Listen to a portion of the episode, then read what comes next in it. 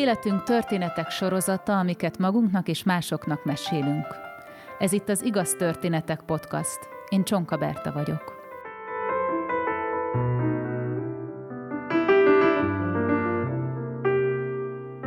A mai történetek a változásról szólnak. Arról, hogy évek alatt egyre erősebbé válik egy belső hang, ami aztán egy napon sorsdöntő elhatározáshoz vezet. A történetek Budapesten a Mikati Vadar Munatóban hangzottak el élő közönség előtt.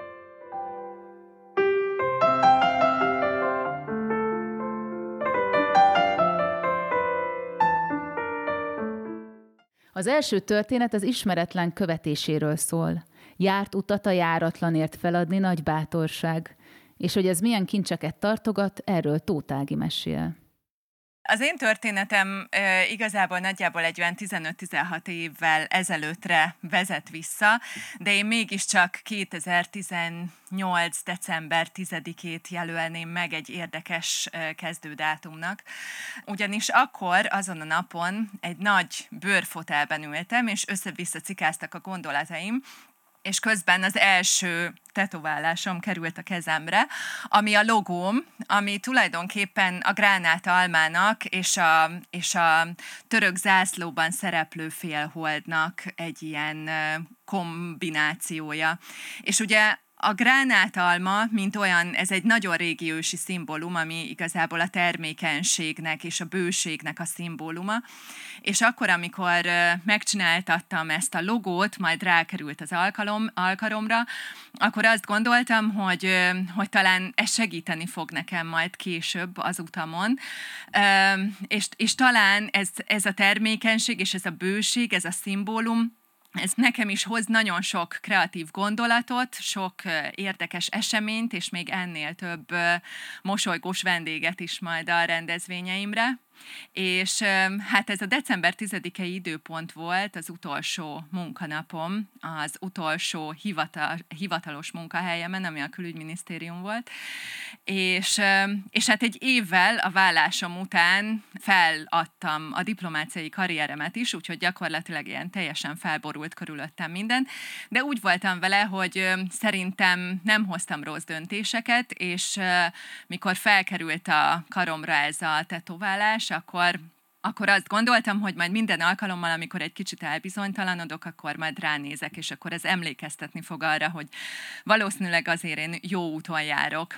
És aztán felkerült ez a logó a kezemre, és, és úgy voltam vele, hogy igen, persze a bizonytalanság az mindig egy kicsit félelmetes lehet, de hogy néha nem baj, hogyha fejest ugrunk a mély vízbe az életünkben, és nem baj, hogyha bizonytalanság van körülöttünk, mert tulajdonképpen, hogyha hogyha megtaláljuk a saját utunkat, akkor Isten sors, vagy az élet, vagy nevezzük, aminek akarjuk, az majd úgy is segít minket. És hát persze nyilván félelmetes volt ez az első pár hónap, amikor ott hagytam a biztos állásom, meg tényleg minden felborult az életemben, és, és egy kicsit talán őrültségnek is tűnt, és hát tulajdonképpen a családom, ők is abszolút őrültségnek gondolták ezt az egész döntésemet, és hát nagyjából hasonló e, ilyen kérdések hangzottak el, hogy de hát hogy hagyhatod ott a biztos külügyi pályát, meg a biztos fizetésedet, és hogy, és hogy valóban ebből meg lehet élni, és hogy egy diplomáciai karriert ott hagyni azért, hogy majd valakiknek főzőcskézzél, tehát hogy ez így biztos oké, okay. és, hogy, és hogy tényleg ezért tanultál a Corvinuson nemzetközi tanulmányokat, hogy aztán, aztán egy olyan hivatást, vagy egy olyan pályát válasszál, ami egyrészt abszolút kiszámíthatatlan, másrészt fizikailag nagyon megterhelő, harmadrészt pedig egyáltalán nem családbarát, és, és hát nekem az volt a válaszom, hogy igen, bármennyire őrültségnek hangzik is, mert hogy a Corvinus kellett például ahhoz, hogy én 2005-ben először eljussak Törökországba, egy nemzetközi diáktáborba, ahol hát szerintem megpecsételődött a sorsom, mert akkor szerettem bele végzetesen ebbe az országba, akkor még nem volt semmi pasi a sztoriban, tehát tényleg az országba szerettem bele, és döntöttem el, hogy én nekem ide muszáj rendszeresen visszajárnom, és, és ez az életem része lesz. És a Corvinus kellett ahhoz is, hogy legyen egy olyan tanárom, mint, mint Rostoványi Zsolt, aki egy nagyon híres közel-kelet szakértő, aki ezután a török kattanásom után abszolút folyamatosan támogatott engem, és a szakdolgozatom témáját, amikor meséltem neki, akkor is csillogó szemekkel hallgatott, és nem utolsó sorban, aki ott volt akkor is, amikor néhány évvel később a Török Kulturális Intézetben felállított színpadon egyik oldalamon a török, másik oldalamon a magyar kulturális miniszterrel megnyitottuk ezt a, ezt a kulturális központot, aminek aztán három évig voltam a kulturális vezetője. És kellett a Corvinus ahhoz nyilván, hogy ott én kulturális vezető lehessek, és, és, és olyan szakmai háttérrel rendelkezzek, hogy, hogy ezt az állást én megkaphassam, és hogy ezáltal lehetőséget kapjak arra, hogy megtanuljak tökéletesen törökül, hogy fantasztikus embereket ismerhessek meg, hogy elképesztően értékes munkatapasztalatokhoz jussak, és az összes munkatapasztalatom, legyen ez akár a török intézet, vagy bármelyik másik előző, későbbi munkám kellett ahhoz, hogy, hogy rájöjjek arra, hogy mi az én utam, és mi nem. És úgy voltam vele, hogy, hogy meg kell próbálni, és kell egy esélyt adni annak, hogy megnézem, hogy valóban a török gasztronómia-e az én hivatásom, vagy sem. És hogy nem kell foglalkozni a társadalmi nyomással, vagy a szülőknek az aggodalmaskodásával, vagy egyáltalán bárkinek a véleményével, vagy azzal, hogy társadalmilag milyen megítélése van mondjuk a diplomáciai pályának a szabadúszó főzőcskézése, lesz teljesen mindegy, hanem kell adni neki egy esélyt. És természetesen azok a munkatapasztalatok, amiket szereztem, később akár a külügyben is, ezek mind hozzáadtak egyrészt a személyiségemhez is nyilván, másrészt pedig nagyon sok hasznos szakmai tapasztalatot gyűjtöttem, de rájöttem arra is, hogy ez nem az én utam. Akármennyire is értékes és különleges munkát végeztem, mégis úgy, úgy éreztem, hogy a közférának a lassúsága, néha hatékonytalan működése, néha felesleges papírmunka, ez valahogy nem az én közegem. És mikor meghoztam ezt a döntést, hogy akkor én felállok, akkor talán akkor volt az első-első pozitív visszajelzés, és az első jó jel, amikor ezt bejelentettem, és se a főnökeim, se a munkatársaim nem lepődtek ezen meg. Itt ketten is ülnek közülük.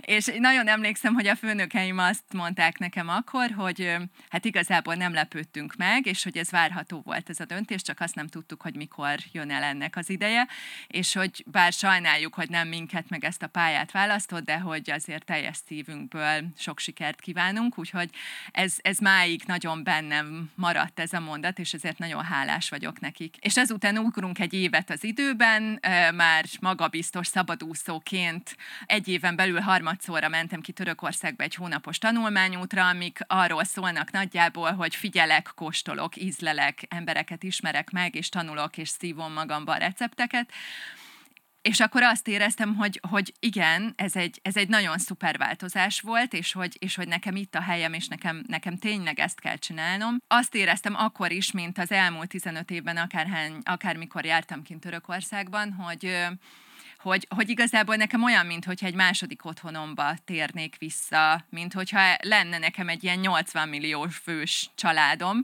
mert hogy, mert hogy akármikor kint járok, azt érzem, hogy, hogy nem érzem magam idegennek egyáltalán, hogy annyi támogatást, szeretetet, segítséget kapok szakmailag, barátilag minden szempontból, hogy tényleg úgy érzem magam, mint hogyha, mint hogyha hazamennék, és erről a közegről igazából nekem két szó jut eszembe, az egyik a biztonság, a másik pedig a támogatás, és tulajdonképpen szerintem ez a két legszebb szó, amivel meg lehet határozni a család fogalmát végül is, nem?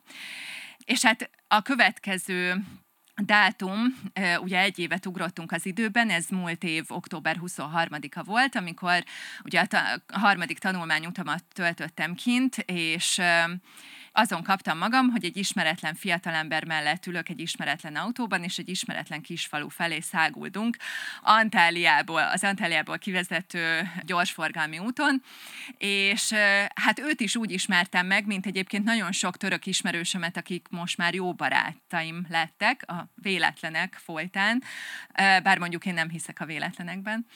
És hát egy hotel tulajdonossal beszélgettem, amikor, amikor ő megtudta, hogy az én logómban gránátalma szerepel, és hogy a következő állomása a tanulmányutamnak az Antália lesz, és akkor a lelkemre kötötte, hogy neki van ott egy barátja, az a barát szeretne nekem megmutatni valamit, és hát mindenképpen vegyem fel vele a kapcsolatot. És ezen még annyira nem is lepődtem meg, mert nagyon sok ilyen sztorival találkoztam már, nagyon sok ilyen történés volt már az életemben Törökországban, úgyhogy megérkeztem Antáliából, elkezdtem dolgozni egy pékségben gyakornokként, és ráírtam erre az ismeretlen fiatalemberre, hogy hát akkor itt vagyok, nem tudom, mit akarsz mutatni. És, és eljött értem egyik, est, egyik délután, mikor vége lett a műszakomnak, beültem a kocsiába, ismeretlen ember, ismeretlen kocsi, de aztán a félórás úton, amíg elértünk az ismeretlen kisfaluba, addig úgy beszélgettünk, mint hogyha már nagyjából ezer éve ismernénk egymást. És aztán kiszálltunk a kocsiból egy kis falunak a határában, ahol ameddig a szem ellát hatalmas gyümölcsös kertek voltak, a háttérben gyönyörű hegyek vonulatai, és, és fantasztikus, fantasztikus környezet. Október vége, de még mindig izzasztó 30 fok, és akkor azt mondta nekem, hogy hogy hogy hát megérkeztünk erre a helyre, erre a Gránátalma ligetbe, ugyanis a családom már száz éve foglalkozik gránátalma termesztéssel, és hogy a nagypapám ásta azt a kutat, amiből még a 4500 gránátalma fánkat a mai napig locsoljuk, és hogy hát meséltek nekem rólad, és én meg azt gondoltam, hogy neked itt a helyed, mert hát hol máshol lenne, mint egy gránátalma faligetben.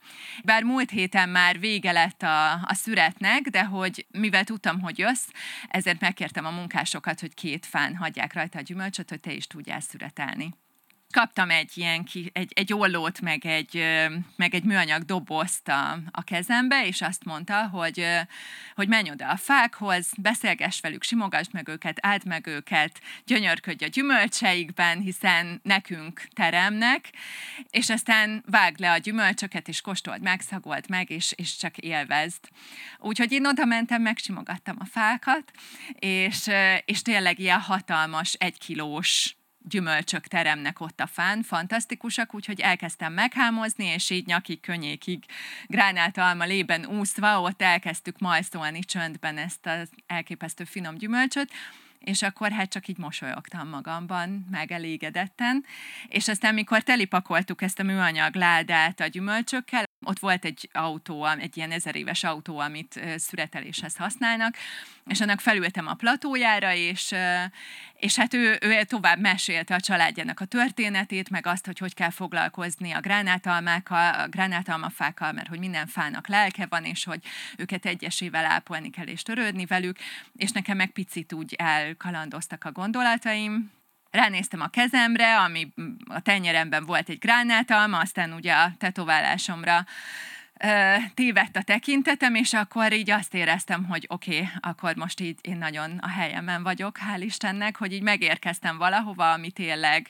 tényleg az én helyem, és gyümölcs a kezemben, gyümölcs a karomon, és körülöttem ez az óriás gránátalma faliget, és hogy, és hogy akkor itt most szerintem minden összeért. Ugyanakkor azt is gondoltam, hogy, hogy ettől függetlenül én nem fogok itt maradni, nem is szeretnék itt maradni, mert hogy, mert hogy azt a rengeteg élményt, amiben itt van részem, és azt a rengeteg szeretetet, amit ott kapok, azt majd Hát, mint a gránátalmának az ezer magát, aztán majd én így szeretném szét, szétszórni a félig meddig ismeretlen rendezvényeimre járó emberek között, akik azért mégiscsak lelkileg közel állnak hozzám így vagy úgy, és azt a szeretetet szeretném, meg azokat az élményeket átadni nekik, és lehetőleg majd akkor egyszer ők is úgy fognak mosolyogni, mint ahogy én ott a, az autó platójának a, a végében ücsörögve. Akkor éreztem azt, hogy hogy oké, okay, akkor megérte a biztost feladni a bizonytalanért, és hogy megérte azt, hogy nem foglalkoztam a, a családnak a, az aggodalmával, vagy a társadalmi konvenciókkal, vagy,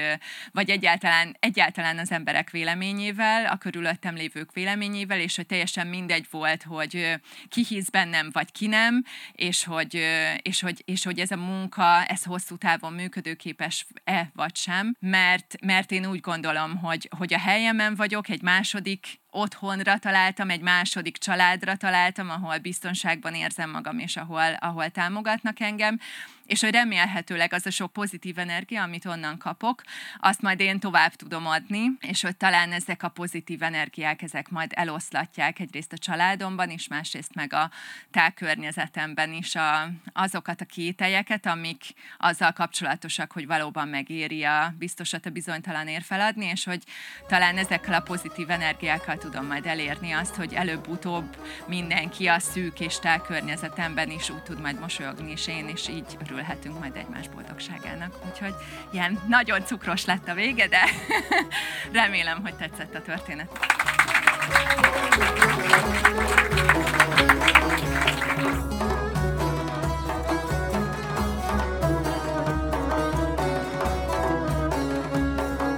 Ági sorsfordító elhatározásának gyümölcsét azóta már nagyon sokan élvezhették. Ági lakáséttermet szervez, recepteket ír, főzést tanít, gasztroutakat vezet Törökországba. Finoman szólva nem unatkozik. Kóstolj bele Ági világába a nargurmé.hu weboldalon vagy a Facebookon.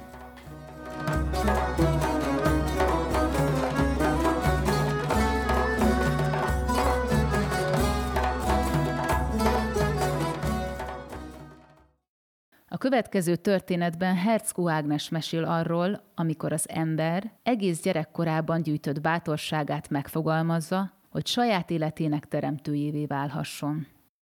21 éves voltam, éppen negyedéves Miskolcon, a bölcsészkaron, történelem szakos hallgatóként. Mégis egy nap arra ébredtem, hogy Budapesten vagyok, a Honvéd Együttes hatalmas próbatermében, ahol fogom egyik kezemmel a balettrudat, és harmad magammal felvételizem a Honvéd Együttes tánckarába.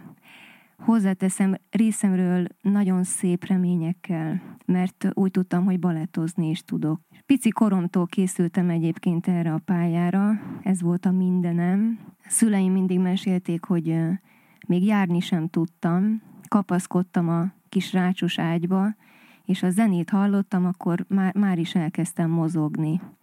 Aztán, ahogy kezdtem cseperedni, és már tudtam járni, akkor az volt az egyik kedvenc időtöltésem, nagymamámnál volt egy hatalmas kétajtós szekrénye, ilyen politúrozott ajtóval, ami úgy tudott működni, mint egy tükör. És én egy nagyon könnyen kezelhető unoka voltam, ugyanis semmi más nem kellett nagyomámnak csinálni, csak néha nézte az órát, hogy letelt a 30 vagy 45 perc, amennyi egy bakelit lemeznek az egyik oldala, és akkor mindig jött kiserélni vagy megfordítani a lemezt, és aztán ment tovább vissza a dolgára. És így nagy örömmel nézte, hogy a kis unokájából, a kis tűlszoknyájában, amit ő vart, egyik pillanatra a másikra, hol Galina Uljanova, hol Isadora Duncan válik, és nagyon drukkolt nekem egyébként, annak ellenére, hogy egy rettenetes csúfos kudarcot éltem meg kilenc évesen a Balettintézetbe való felvételin, ahol könyörtelenül elküldtek már az első fordulóban. Engem büntetni lehetett azzal, hogyha ha azt mondták, hogy nem mehetek táncolni. Sátoralja új helyen éltünk már akkor, megkerestem az egyetlen ö, valamire való lehetőséget, ami a baletthoz odakötött, ez az új helyi jazzbalett csoport volt, heti két-három foglalkozással, ugyanakkor, hogyha én rossz jegyet vittem haza, akkor az volt a retorzió, hogy akkor két-három hétig nincs táncóra. Amitől teljesen kikészültem egyébként, de nem volt appelláta, ugyanis a mi családunkban a szülői volt az utolsó szó, nem volt visszabeszélés, nem volt olyan, hogy de. Tehát ez volt, ki volt mondva, amíg nem mutatok újra jó jegyeket, nem emberelem meg magam úgymond, addig nincs tánc. Elkezdtem ö, dalokat tanulni teljesen megőrültem egy idő után ugyanis a népzenétől. Tehát amikor meghallottam a Sebestyén Mártit énekelni Istvánnak irány. Azt tudtam, mi az, hogy igaz, né- népzene. És így megütötte a fülemet a hangja, és úristen, ki ez, mi ez, mit csinál, mi, hogy. és aztán így jöttek persze muzsikás, téka, méta, stb. stb. És az újhelyi néptáncos ismerőseimtől mindig kaptam a kazettákat, kalóz felvételeket természetesen, és elkezdtem ezeket a dalokat tanulni, és amikor ez már nem volt elég, akkor kértem igazi gyűjtéseket, Kodály, Bartók, Lajta, Kallós, ilyenek.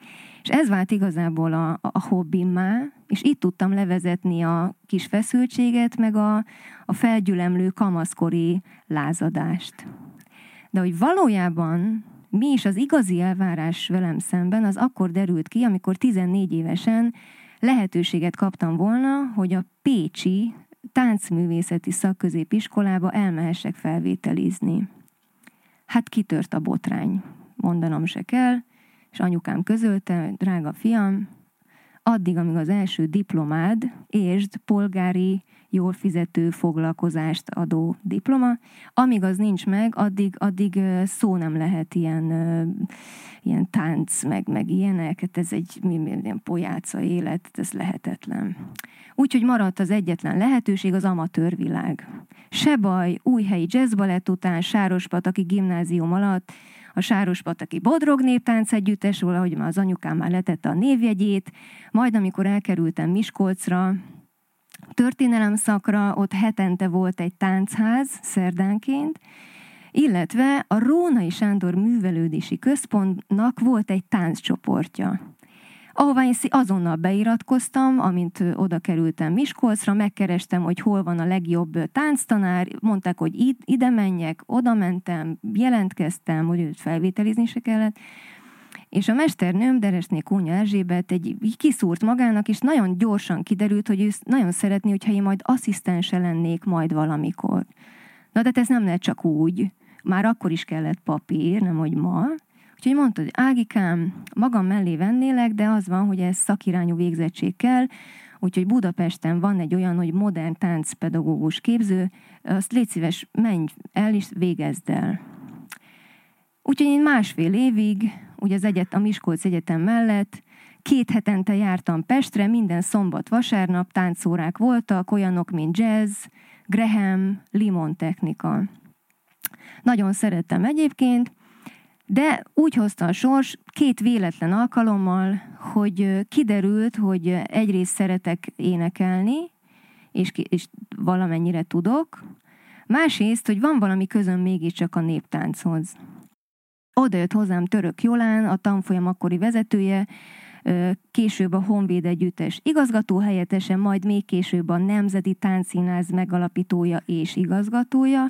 Ágikám, te tudsz néptáncolni? Hát, hát én tudnék, hát természetesen ezt is tudom, meg ugye kiderült, hogy úgymond jól tudok énekelni, és azzal kecsegtetett, hogy na most most ő az igazgató helyettes, ott dolgozik főállásban Szvorák Katalin, Kossuth Díjas népdalénekesünk, és ő össze fog vele hozni, mert hogy ezzel szerintem neki valamit kezdeni kell, de, de mégiscsak egy szakember döntse el, hogy tényleg van ezzel valami kezdeni valóm, vagy hagyjuk meg ezt a, a szűk családi kör és baráti kínzások kategóriájába, és inkább hagyjam.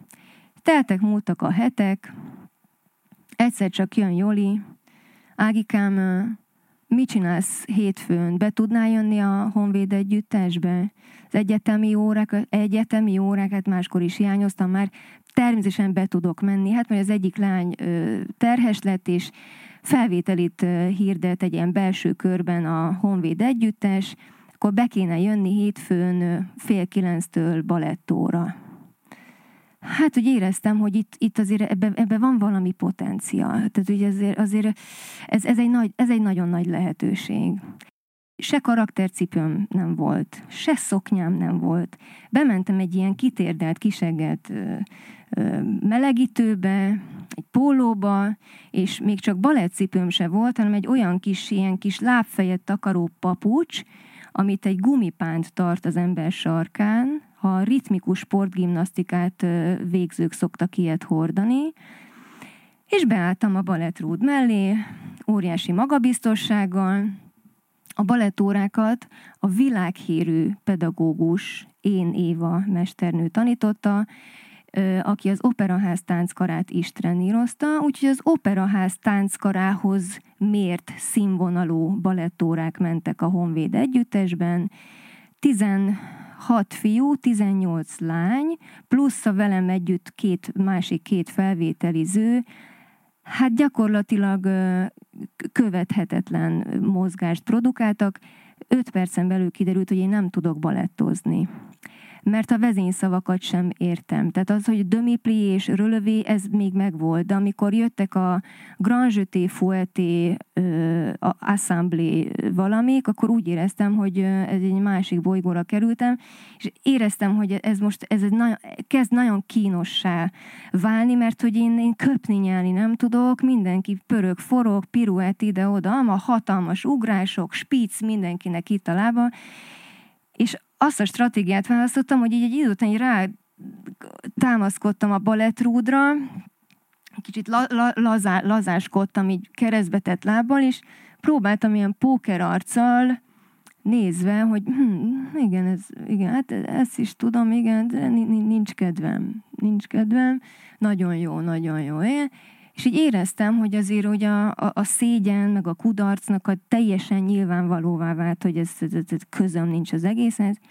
hogy így elindult egy gombóc a torkomban, és éreztem, hogy most mindjárt nagyon-nagyon-nagyon-nagyon fogok sírni, kirohanok a baletterembe, és mindennek vége. Úgyhogy próbáltam a pókerarc mellett ezt a gombócot így valahogy visszagyűrni, mert arra koncentráltam, hogy ma nekem még énekelnem kell, és nem lehet sírás után énekelni és ment tovább a felvétel, és hál' Istennek sikerült azt a gombócot úgy legyűrni, hogy az éneklés nagyon jól sikerült, és úgy felcsillantak a szemek, hogy fú, hát ez, ez, nagyon, ez, ez, ez nagyon jó volt. Majd aztán közölték velem, Sors dobott egy labdát, kedves Herckó Ági, felvettük. Igazából én fel sem fogtam először. Majd megkérdeztem, hogy egyébként heti hány foglalkozást jelent a Honvéd együttes tagjának lenni, amire aztán végképp adlót fogtak, Szűcselemér, akkori tánckarvezető, így áthajolt az asztalon. Kisasszony, tisztában van maga azzal, hogy hova felvételizett? halál ciki voltam, felvittek a Novák Tatához, aki szintén megerősített, hogy várnak szeretettel, kérjek egyéni tanrendet, költözzek fel Pestre, és előttem az élet. És hogy akkor kezdett így szép lassan le, leesni a tantusz, hogy ez nem vicc. És hogy valószínűleg több foglalkozást jelent a Honvéd Együttes tagjának lenni, mint mondjuk a Miskolci Rónai Sándor Művelődési Ház csoportjában. Tehát ez napi rendszeres munka, rendes fizetésért, előadások, stb. stb. stb. És hát így akkor be, beütött az eufória, fantasztikus, végre, mégiscsak az életem nagy álma, hogy én táncos nő lehetek, és nem egy vidéki művelődési házban, hanem az ország legjobb együttesében, és így, így éreztem, hogy ezt el kell mondanom otthon is. Úgyhogy gyorsan vettem egy vonatjegyet, hazamentem új helybe, és lelkesen elújságoltam anyukámnak, hogy, hogy felvettek. És amennyire fel volt annak idején dobva, amikor én kilenc éves voltam, hogy nem vettek fel a balettintézetbe, annyira le volt sújtva most, hogy felvettek a Honvéd együttesbe. És elkezdett győzködni, hogy hát kislányom, hát, hát de és az egyetem, hát van még másfél év, azt be, azt be kell fejezni, tudod, megegyeztünk, az első diploma, és ezt így nem lehet, hát kérje haladékot a Honvédnál. És én nem, nem tudom, mi, micsoda? Gondoltam magamban haladékot a Novák Tatától, hogy én még a diplomámig várjon rám az együttes. Éppen megfogja az Isten a lábamat, és akkor most kérjem meg, hogy így engedje el, és így nem értettem, hogy, hogy nem lehet, hogy az én anyám ennyire nem ismer, hogy ennyire nem tudja, hogy én mit szeretnék. Hát ez volt mindig életem vágya, e, ebben nőttem fel, mindig emiatt voltak a vitáink, és azt így gyűlt-gyűlt bennem ez az indulat, éreztem, hogy így, hogy vív bennem a, a jól nevelt gyerek, a születendő felnőttel, a, a Vitéz László az ördöggel, a, a, a szuperego, a, a, az, az eddig jól viselkedő gyerekkel, és ez az irgalmatlan indulat, hogy ezt most nem cseszhetem el. Tehát, hogy ezt muszáj meglépni, valamit csinálni kell, mert hogyha ezt most itt hagyom, akkor, akkor elúszik az életem legnagyobb lehetősége. És hogy így kezdett, mint egy ilyen kitörni készülő vulkán bennem ez az érzés így viaskodni, az egyszer csak így kitört az indulat, egy hatalmasat rá csaptam az asztalra, anya. És így annyira hangos is volt, gyors is volt, pimasz volt, mind a ketten meghökkentünk, az volt a furcsa, hogy nem, nem csak ő lepődött meg, hanem én is. És így volt egy pillanatnyi csend, és szerintem ő is megérezte, hogy, hogy itt valami, valami megváltozott. És amikor így felocsúttunk ebből a megrökönyödésből, akkor már gyakorlatilag gát nélkül jöttek a szavak. Hogy ne aggódj, anya, be fogom fejezni az egyetemet. Utólag mégiscsak utána nyúlt a sors, van jó Isten, vagy legalábbis predestináció mindenképpen, tehát nekem, nekem ez az utam. És aztán sikerült persze meggyőznöm, úgyhogy én így váltam felnőtté, így lettem hivatásos, és így lettem aztán több száz színpadot és országot, világot megjáró, a maga hivatásában és szakmájában tökéletesen kiteljesedő és boldog énekes.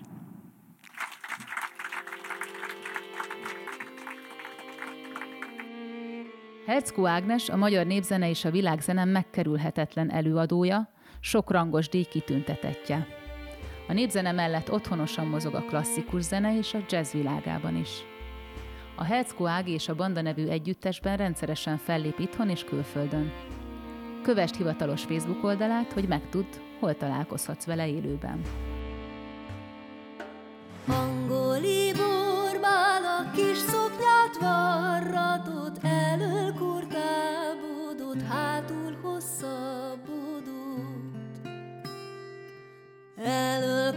kurtábodott, hátul hosszabbodott, szép karcsú dereka, igen vastag.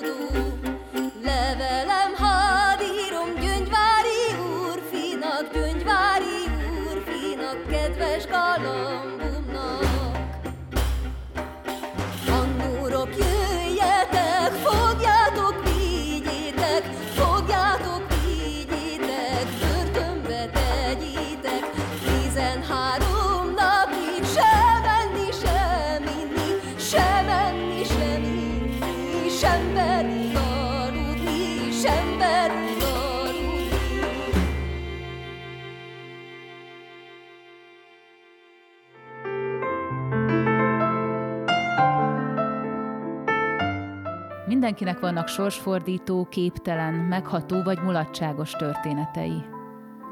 Nem vagy se túl fiatal, se túl öreg ahhoz, hogy te is mesélj egy történetet nekünk.